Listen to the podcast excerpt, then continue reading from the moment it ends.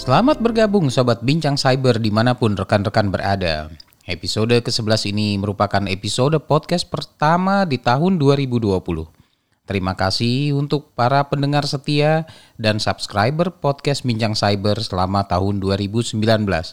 Apresiasi yang luar biasa kami terima membuat semangat bincang podcast Bincang Cyber ini untuk dapat terus mengudara dengan topik bahasan cyber security yang juga akan semakin inspirasional. Episode ke-11 ini akan menghadirkan dinamika cyber security di tahun 2019 dengan mengangkat beberapa insiden yang terjadi. Secara umum, insiden keamanan yang terjadi pada tahun 2019 lebih banyak diwarnai atas insiden kebocoran data. Kita cukup dikejutkan dengan insiden yang menimpa Facebook di bulan April, September, dan juga November. Selain Facebook, ada dua insiden yang terkait pada Instagram yang terjadi di bulan Mei dan September 2019. Di samping kejadian terkait data breach di tahun 2019, ternyata beberapa hasil penelitian hampir dipastikan bahwa eh, semakin mengarah penyerang eh, semakin mengarah pada sebuah kesimpulan bahwa peretas akan terus mengupgrade cara serta mekanisme untuk memperoleh akses terhadap data yang tersimpan Penggunaan artificial intelligence dan machine learning dalam upaya meretas kini sudah semakin sering dipergunakan oleh para peretas.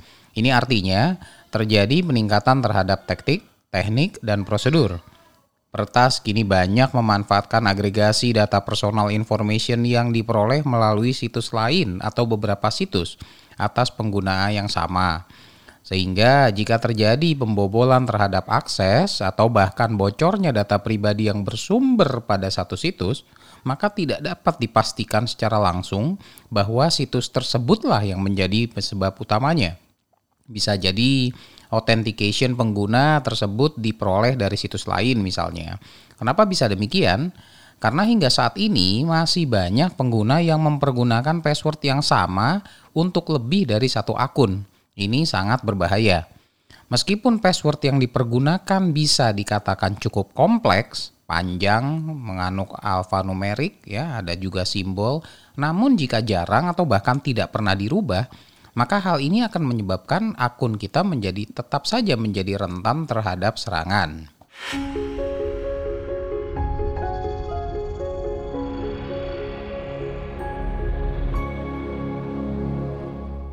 Tahun 2019 ditandai dengan peningkatan kejadian data breach yang sebagian besar disebabkan oleh unsecure database dan misconfiguration. Ada satu dua case terkait dengan hacking, walaupun eh, dampaknya tidak terlalu signifikan. Hal ini mencatatkan banyaknya nama besar penyedia jasa layanan cloud yang namanya juga disebutkan hampir setiap bulan bahkan atas kejadian data breach tersebut pressure dan agilitas yang terjadi dalam persaingan layanan via aplikasi sering kali menjadikan developer lalai bila mana terkait dengan cybersecurity. Belum lagi kurangnya tenaga kerja ahli dalam domain cybersecurity ini menyisakan insiden kejadian yang tidak sedikit dampaknya. Semua insiden yang terjadi tahun 2019 ini jika digabungkan ternyata tidak hanya memakan korban jutaan nasabah, tapi miliaran data yang tersebar di berbagai tempat. Data rampasan tersebut kemudian diyakini diperjualbelikan di dark web semakin menjadikan cyber security sebagai new economic. Ada episode yang lalu saya membahas tentang cyber security sebagai new economic yaitu menjadi sebuah tren yang berkembang bahkan tidak berhenti di tahun 2020 ini. Insiden yang terjadi ini juga tidak hanya mentargetkan perusahaan dari berbagai skala namun juga individu. Bahkan beberapa individual diretas dengan tujuan untuk dimanfaatkan level aksesnya untuk mengejar target yang lebih besar lagi. Jadi bukan orang yang jadikan target tapi dia punya privilege. Kelalaian pengguna seperti password yang mudah ditebak hingga penggunaan password yang sama untuk beberapa account sering kali menjadi penyebab Password yang kompleks panjang hampir dipastikan tidak menjamin perlindungan keamanan jika password tersebut tidak sering diganti secara rutin dan apalagi jika dipergunakan lebih dari satu akun ya. Inilah penyebab eh, mengapa banyak yang mengambil kesimpulan bahwa sebagian besar pengguna tidak terlalu peduli dengan cyber security sampai akhirnya mereka menjadi korban atas insiden keamanan yang terjadi dan berimpact terhadap data yang mereka miliki. Nah, sebuah pertanyaan sederhana sebagai bahan renungan, berapa banyak aplikasi pada mobile phone kita yang masih kita pergunakan dan berapa sering kita mengganti password akses aplikasi tersebut?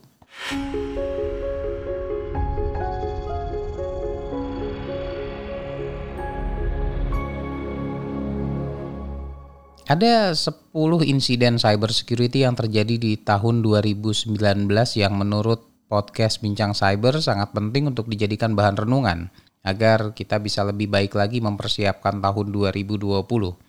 Kita mulai dari yang pertama adalah insiden yang menimpa game online Fortnite yang terjadi di bulan Januari 2019.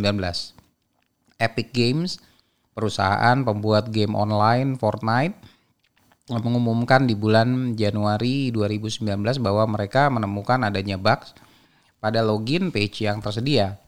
Bila mana user melakukan login dengan mempergunakan atau uh, verifikasi akun dari uh, third party ya, uh, seperti halnya Facebook, Google, dan Xbox Live.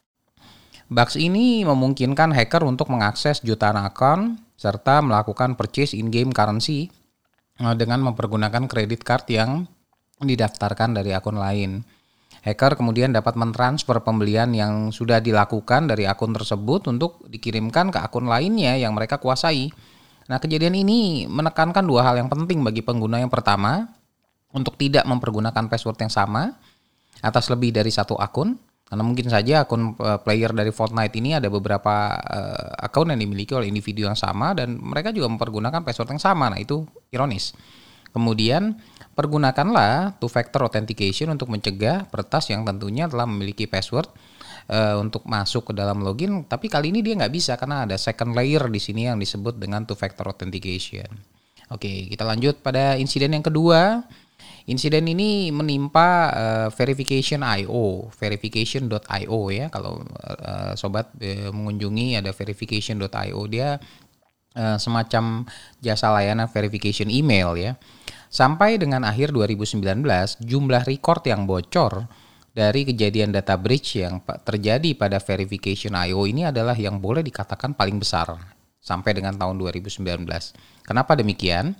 Nah, nanti kita bahas di bawah. Yang pertama, sebelum kita masuk di sini ada insiden ini ditemukan pertama kali oleh seorang peneliti yang disebut dengan, uh, yang diberi nama uh, yang memiliki nama Bob Dyanchenko dia adalah peneliti cyber security, dia menemukan adanya unprotected access atas 150 GB data di MongoDB yang dimiliki oleh Verification.io. Diachenko ini memperkirakan jumlah record yang bocor ada 763 juta record pada saat ditemukan pertama kali. Nah, namun hal ini dibantah oleh Andrew Martin atau dia sebagai CEO dari Dynarisk. Martin menyebutkan bahwa ada empat database pada server tersebut sehingga jumlah record yang bocor adalah diperkirakan melebihi dari angka 763 tadi atau lebih tepatnya menurut Martin disebutkan sebagai 2 miliar record. Data yang bocor ini terdiri dari verified email, nomor telepon, alamat, tanggal lahir, Facebook account, LinkedIn account, Instagram ID, credit scoring, bahkan informasi pinjaman dana cicilan dari pengguna tersebut. Massive, semuanya bocor. Nah, bocornya database yang tersimpan di platform MongoDB ini disebabkan tidak diterapkannya password akses pada database tersebut sehingga keseluruhan data yang tersimpan tanpa enkripsi. Plain.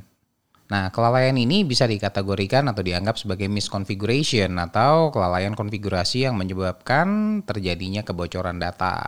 Ini cukup menarik. Nah, kemudian kita lanjut di insiden yang ketiga. Nah, insiden ini mungkin cukup sering kita dengar di 2019 yaitu insiden yang menimpa Facebook. Uh, jika diperhatikan, uh, insiden yang terjadi ini bisa diambil kesimpulan bahwa tahun 2019 itu merupakan tahun-tahun yang berat bagi Facebook sendiri karena tantangan atau mungkin kejadian-kejadian tersebut.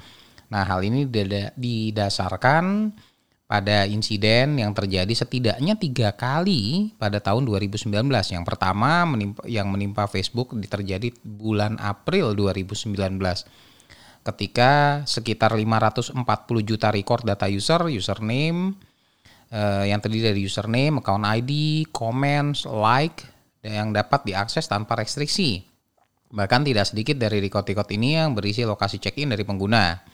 Kemudian insiden yang kedua yang dialami oleh Facebook adalah yang terjadi di bulan September 2019 atas bocornya data nomor telepon atas 400 juta user yang berasal dari US, UK, dan Vietnam.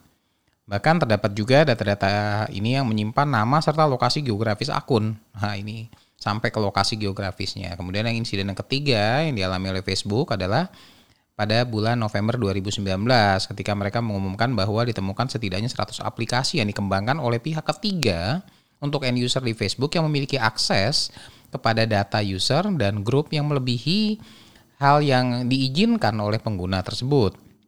Nah, ketiga insiden ini yang dialami oleh Facebook ya secara umum disebabkan oleh misconfiguration terhadap infrastruktur dan juga mungkin sistem uh, Facebook ya.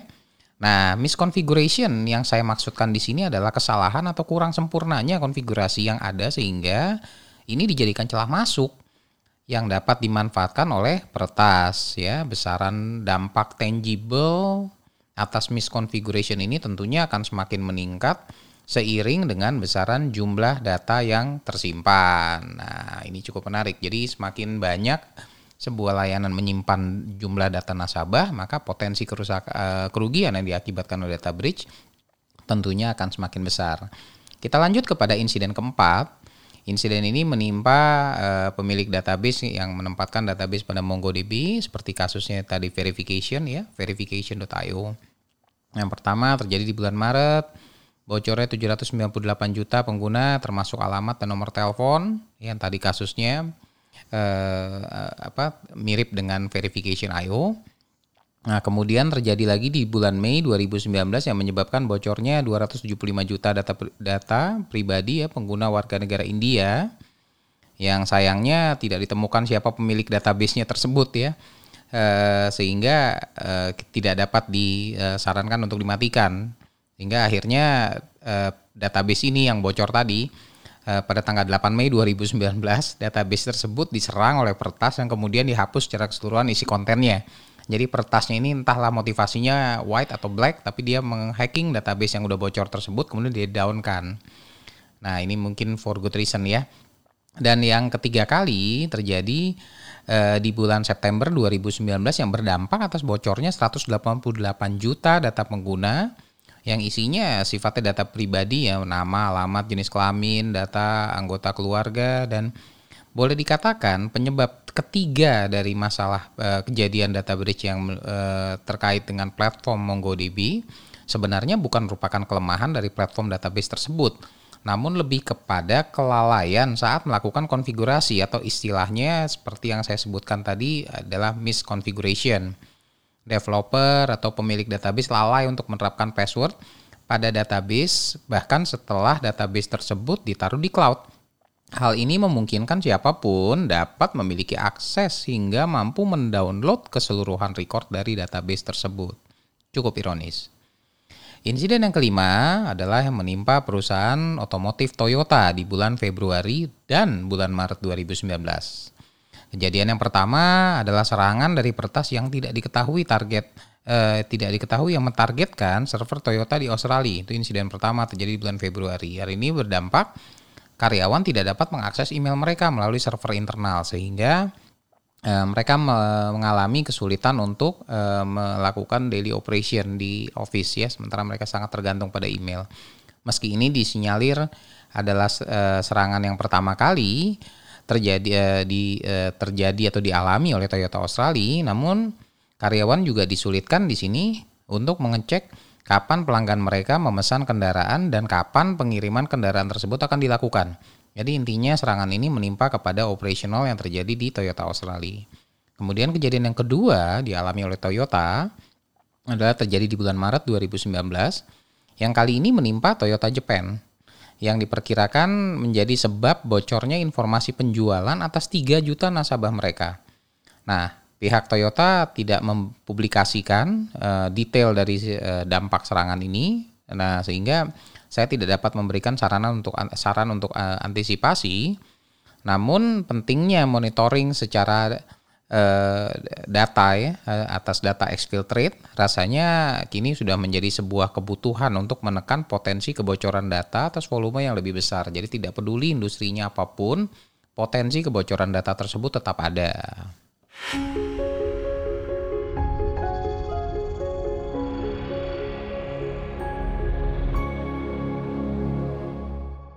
Oke, kita lanjut lagi. Insiden ke-6. Insiden ke-6 ini adalah kebocoran atas 49 juta data personal information di Instagram yang dilaporkan terjadi di bulan Mei 2019 oleh uh, peneliti cybersecurity. Nah, peneliti cybersecurity ini mempublikasikan uh, adanya potensi kebocoran ini melalui akun Twitter yang dimilikinya dengan nama Nuraksen. Uh, menurut uh, Turut dilaporkan juga di sini bahwa ketika akun tersebut mempublikasikan adanya kebocoran bahwa nilai e, besaran ke, data record yang bocor itu terus meningkat. Ironis sekali ya. Jadi awalnya ada sekitar e, 49 dan dia terus meningkat. 49 juta data nasabah ini berisi bio, profile picture, location, email address, bahkan follower dan geographical location juga ditaruh di cloud tanpa proteksi password sehingga memungkinkan pihak lain untuk dapat mengakses. Reporter mengidentifikasikan pemilik database ini adalah sebuah perusahaan di India dengan nama Chatterbox. Eh, dia adalah perusahaan sosial media agency yang berlokasi di Mumbai, India.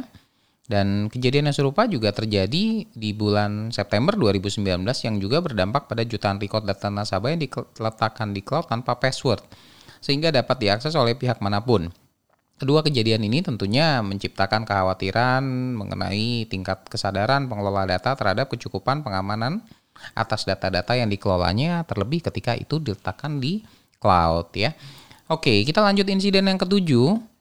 Ini yang menimpa Capital One, sebuah perusahaan kartu kredit di Amerika Serikat akibat serangan yang dilakukan oleh pertas terhadap Capital One yang berdampak kepada 100 juta nasabah di Amerika Serikat dan 6 juta nasabah di Kanada. Jadi ada dua lokasi.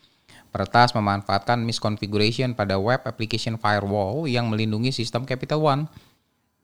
Kejadian ini seharusnya dapat dihindari bila mana Capital One melakukan scanning secara rutin atas infrastruktur yang dimiliki sehingga vulnerability dapat lebih ditekan, khususnya dengan mempertimbangkan besarnya data kebocoran yang e, bisa diakibatkan dari misconfiguration yang ada. Jadi awareness terhadap data ini masih perlu terus ditingkatkan.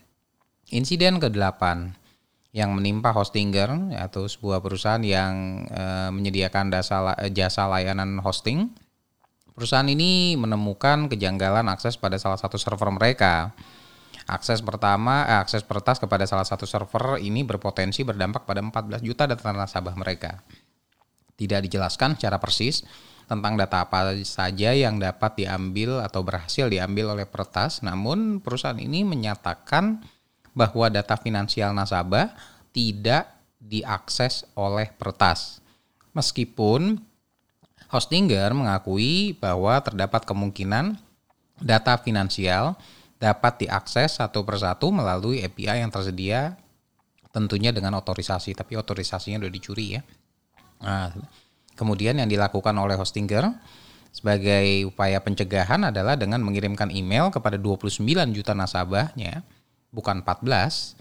Kalau 14 tadi yang bocor, ini total 29 juta nasabah yang dimiliki oleh Hostinger berarti semuanya agar segera melakukan penggantian password atau istilahnya reset password. Insiden yang kesembilan ini adalah yang dialami oleh OnePlus, uh, produsen handphone dan yang berdampak setidaknya terhadap 40 ribu data nasabah. Pertas yang berhasil mendownload informasi finansial data nasabah, kemudian mempergunakannya untuk melakukan pembelian online melalui aplikasi yang disediakan oleh OnePlus. Jadi informasi kartu kreditnya dipergunakan untuk purchasing. Nah ini adalah serangan yang e, cyber attack yang kedua yang dialami oleh OnePlus setelah kejadian yang pertama terjadi tahun 2018. Nah, dengan maksud untuk melindungi nasabahnya dan mencegah potensi kejadian ke level yang lebih tinggi, OnePlus segera e, menonaktifkan seluruh kanal pembayaran.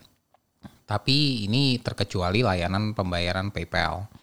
Nah, sebagai upaya proaktif dan mencegah kejadian ini untuk terulang ketiga kalinya, untuk yang ketiga kalinya, karena ini udah yang kedua, OnePlus pada bulan Desember 2019 mengaktifkan bug bounty program dengan maksud melibatkan secara lebih jauh peranan peneliti dan white hacker, uh, white uh, hat hacker untuk meningkatkan arsitektur cybersecurity pada sistem mereka. Meski tidak disebutkan secara jelas tentang bagaimana dan siapa yang menjadi penyebab kebocoran ini dari serangan yang kedua, namun beredar dugaan bahwa hal ini disebabkan oleh serangan dari dalam atau istilahnya insider threat. Nah, yang terakhir, Sobat Bincang Cyber, kita membahas tentang insiden yang ke-10 adalah yang dialami oleh Disney. Pada bulan November 2019, Disney Plus, layanan movie streaming dari Disney menjadi target serangan cyber yang menyebabkan nasabah kehilangan akses atas akun yang dimilikinya. Jadi, serangan pertas pada Disney Plus adalah bertujuan untuk menguasai akun berbayar dari nasabah. Setelah akun tersebut dikuasai, selanjutnya pertas merubah password nasabah dan mendiskonek seluruh device yang sedang terhubung dengan mempergunakan akses tersebut. Nah, setelah itu, Pertas kemudian menjual akun tersebut dengan harga 2,3 pound sterling di dark web. Meski tidak disebutkan angka persisnya, namun diperkirakan ada ribuan akun yang terkena dampak atas kejadian ini. Tidak dijelaskan kemudian menurut dari Disney bagaimana pertas dapat masuk ke dalam sistem, namun besar dugaan hal ini disebabkan karena Disney Plus tidak mempergunakan multi-factor authentication sebagai tambahan perlindungan. Sehingga jika peretas sudah dapat menguasai password dan akun yang terdaftar, Selanjutnya peretas dapat bebas masuk kapan pun, di mana pun, dan dengan perangkat apa pun untuk melanjutkan aksinya dengan hanya memanfaatkan password tersebut.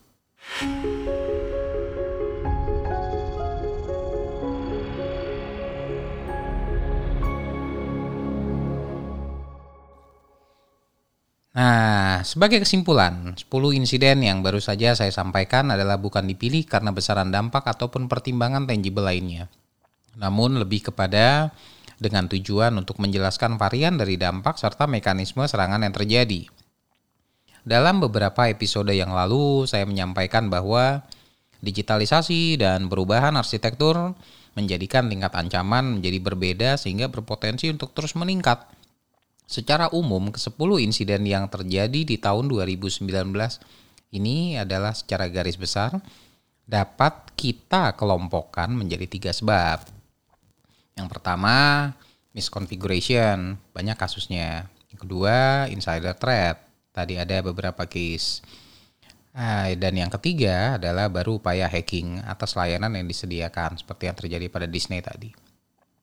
Misconfiguration terjadi karena kelalaian pihak internal perusahaan dalam menerapkan pengamanan yang cukup atas aset digital yang diletakkan di public area atau public cloud. Tidak ada cara lain selain meningkatkan kehati-hatian dan continuous monitoring dalam upaya menekan frekuensi dan impact dari misconfiguration ini. Reengineering sangat diperlukan sebelum memindahkan infrastruktur on-premise ke cloud. Insider threat, hal yang kedua, sebagai penyebab kedua, uh, terjadi karena biasanya dua alasan intensional dan unintensional. Saya di sini tidak dapat memberikan proporsi secara ilmiah atas alasan insider threat ini, namun jika dikumpulkan dalam tiga tahun terakhir, besaran unintensional memiliki proporsi yang lebih tinggi dengan disebabkan oleh phishing dan spear phishing. Nah, yang ketiga, black hat atau black hacker yang secara sengaja mencari kelemahan pada sistem online untuk memperoleh keuntungan finansial atas aset digital yang diperjualbelikan. Dalam hal ini, perusahaan terus perlu untuk memperhatikan kanal online service yang ditawarkan kepada pengguna. Lebih baik lagi jika mengajak pihak luar untuk turun berperan aktif dalam eh, secara kontinu uh, untuk meningkatkan kapabilitas uh, apa secara kontinu uh, untuk men, uh, sambil dia memperbaiki infrastruktur tersebut juga pada saat yang bersamaan perlu untuk meningkatkan kapabilitas tim internal dari cyber security tersebut. Nah, kalau tadi saya sebutkan secara umum, sekarang saya mau masuk lebih spesifik. Lalu apa yang dapat dilakukan oleh pengguna dalam upaya melindungi data pribadi yang dimiliki. Yang pertama, perhatikanlah berapa banyak aplikasi online yang dipergunakan. Ya, baik yang diinstal di mobile phone, laptop maupun desktop. Pertanyaannya, kapan terakhir kita mengganti password? Kemudian, apakah password yang sama dipergunakan lebih dari satu aplikasi? Nah, ini juga harus hati-hati. Karena biasanya setelah pertas memperoleh password kita, dia akan mencoba seluruh sosial media atau aplikasi yang kita pergunakan dengan password yang sama yang sudah berhasil diretas tadi. Jika aplikasi tersebut sudah di, tidak lagi dipergunakan, maka hapuslah akun tersebut dengan memanfaatkan fitur yang tersedia pada dari aplikasi online tadi. Jadi jangan dibiarkan aja, saya udah nggak pakai, nggak usah saya ganti password no, harus dihapus. Kemudian yang kedua, yang dapat kita lakukan adalah mengaktifkan multi-factor authentication pada seluruh akun yang kita miliki. Terutama yang paling penting adalah untuk akses email. Jadi akses email itu sudah merupakan hal yang wajib untuk menerapkan multi-factor authentication. Nah, hindari penggunaan SMS sebagai multi-factor authentication. Kita udah dengar beberapa waktu yang lalu ada terjadi pembobolan akun karena dia mempergunakan SMS sebagai multi-factor authentication. Nah, ini berpotensi. Apalagi kalau kita dengar ada istilahnya swap swim swap sim attack. Nah, itu salah satu uh, metode untuk melakukan hacking. Uh, gunakan platform lain nih sebagai pengganti dari SMS ini ya, uh, seperti misalnya Google Authenticator, Auth atau jika tersedia budget gunakan hardware authentication sebagai opsi keamanan pada level eh, pada opsi keamanan yang boleh dikatakan sekarang ini merupakan level tinggi ya. Jadi penggunaan hardware authentication itu eh, boleh jadi merupakan level yang tertinggi lah. Cukup sangat tinggi tingkat keamanannya. Nah, kemudian eh, yang ketiga di sini ya yang ketiga, kita perlu memperhatikan kapan dan di mana kita melakukan akses terhadap aplikasi online. Nah, sebagai contoh, nggak ada salahnya untuk menonaktifkan layanan aplikasi tertentu pada saat kita di luar rumah. Atau setidaknya tidak terhubung pada public wifi saat hendak mengakses akun aplikasi tersebut. Jangan kalau kita kafe, e, nongkrong, kemudian kita tanya, ada nggak nih free wifi? Nah, itu kita perlu consider siapa yang ada di belakang itu. Nah, jadi eh, semakin baik kita membatasi eh, pengaturan ini juga akan semakin baik eh, tingkat pengamanannya. Nah, kenapa? Karena penyedia jasa layanan sosial media ini, penyedia layanan sosial media yang kita pergunakan tuh pada prakteknya mereka mempergunakan artificial intelligence untuk memantau aktivitas eh, sobat di internet terkait dengan aplikasinya. Artinya mereka monitor kapan, di mana, IP address dan lain sebagainya kalau data kita semakin seragam, semakin mudah perlindungan terhadap akun yang dilakukan oleh penyedia jasa layar uh, jasa sosial media tadi. Artinya data kita juga semakin rapi. Nah, sehingga uh, mesin uh, mekanisme controlling mereka juga bisa lebih baik dan sisi lain pada akhirnya sobat akan juga diuntungkan ya. Kemudian yang keempat, usahakan untuk merubah password secara rutin terlebih setelah melakukan traveling. Siapa yang habis jalan-jalan tahun baru, jalan traveling dari mana kita nggak tahu pada saat kita mengunjungi satu tempat berapa banyak ada orang mencoba untuk melakukan akses teman-teman blogger yang punya akun WordPress misalnya tentunya kan bisa sering monitor berapa banyak orang yang sudah mencoba mengaksesnya jadi di mana pun kita tidur pun ada orang berusaha untuk mengakses akun kita jadi upayakanlah itu selalu untuk lebih uh, sering melakukan penggantian Nah, yang paling saya sarankan, yang paling sering untuk dilakukan, untuk perlu dilakukan penggantian adalah penggantian password email. Kenapa? Karena email itu adalah verifikasi terakhir. Verifikasi terakhir. Jadi kalau rekan-rekan uh, ada yang request untuk merubah password, biasanya aplikasi tersebut meminta verifikasi lewat email. Jadi email itu paling penting untuk kita lebih sering merubah passwordnya. Dan yang terakhir atau yang kelima di sini, biasakan menggunakan opsi private browsing, khususnya jika mengunjungi situs yang tidak pernah dikunjungi atau sekedar melakukan searching di search engine. Nah, hal ini dapat sangat membantu mengurangi informasi dan meningkatkan privasi aktivitas internet sobat. Semakin sedikit data aktivitas sobat yang eh, diakuisisi oleh aplikasi online, maka semakin sedikit dampak kerugian sebagai akibat data breach bila mana aplikasi tersebut mengalaminya. Jadi preventif yang kita lakukan adalah jangan memberikan data sebanyak mungkin kepada penyedia aplikasi. Jadi kita coba batasi aktivitas kita. Nah, salah satunya mekanismenya adalah dengan mempergunakan uh, private browsing. Nah, ini juga uh, dapat uh, jangka panjang mengurangi potensi-potensi uh, keamanan yang uh, terjadi saat kita melakukan surfing di berbagai lokasi. Nah, sobat bincang cyber, kita sudah sampai penghujung di penghujung episode ke-11 yang membahas tentang dinamika cyber security tahun 2019. Jika sobat menyukai konten podcast ini, mohon untuk subscribe dan berikan reviewnya di iTunes. Situs resmi Bincang Cyber bisa diakses di https bincangcyber.id. Nah, seluruh episode podcast ini juga bisa didengarkan uh, langsung melalui situs ini. Feedback dapat dikirimkan melalui situs bincangcyber.id termasuk ke depannya usulan topik cybersecurity yang ingin dibahas. Terima kasih sekali atas antusiasme yang tinggi dari sobat pendengar yang sudah eh, juga sudah subscribe di eh, Spotify. Jumlahnya terus meningkat. Terima kasih sekali. Saya Faisal Yahya, host Bincang Cyber. Undur diri dan terima kasih sudah mendengarkan episode ini. Sampai bertemu di episode eh, Bincang Cyber lainnya.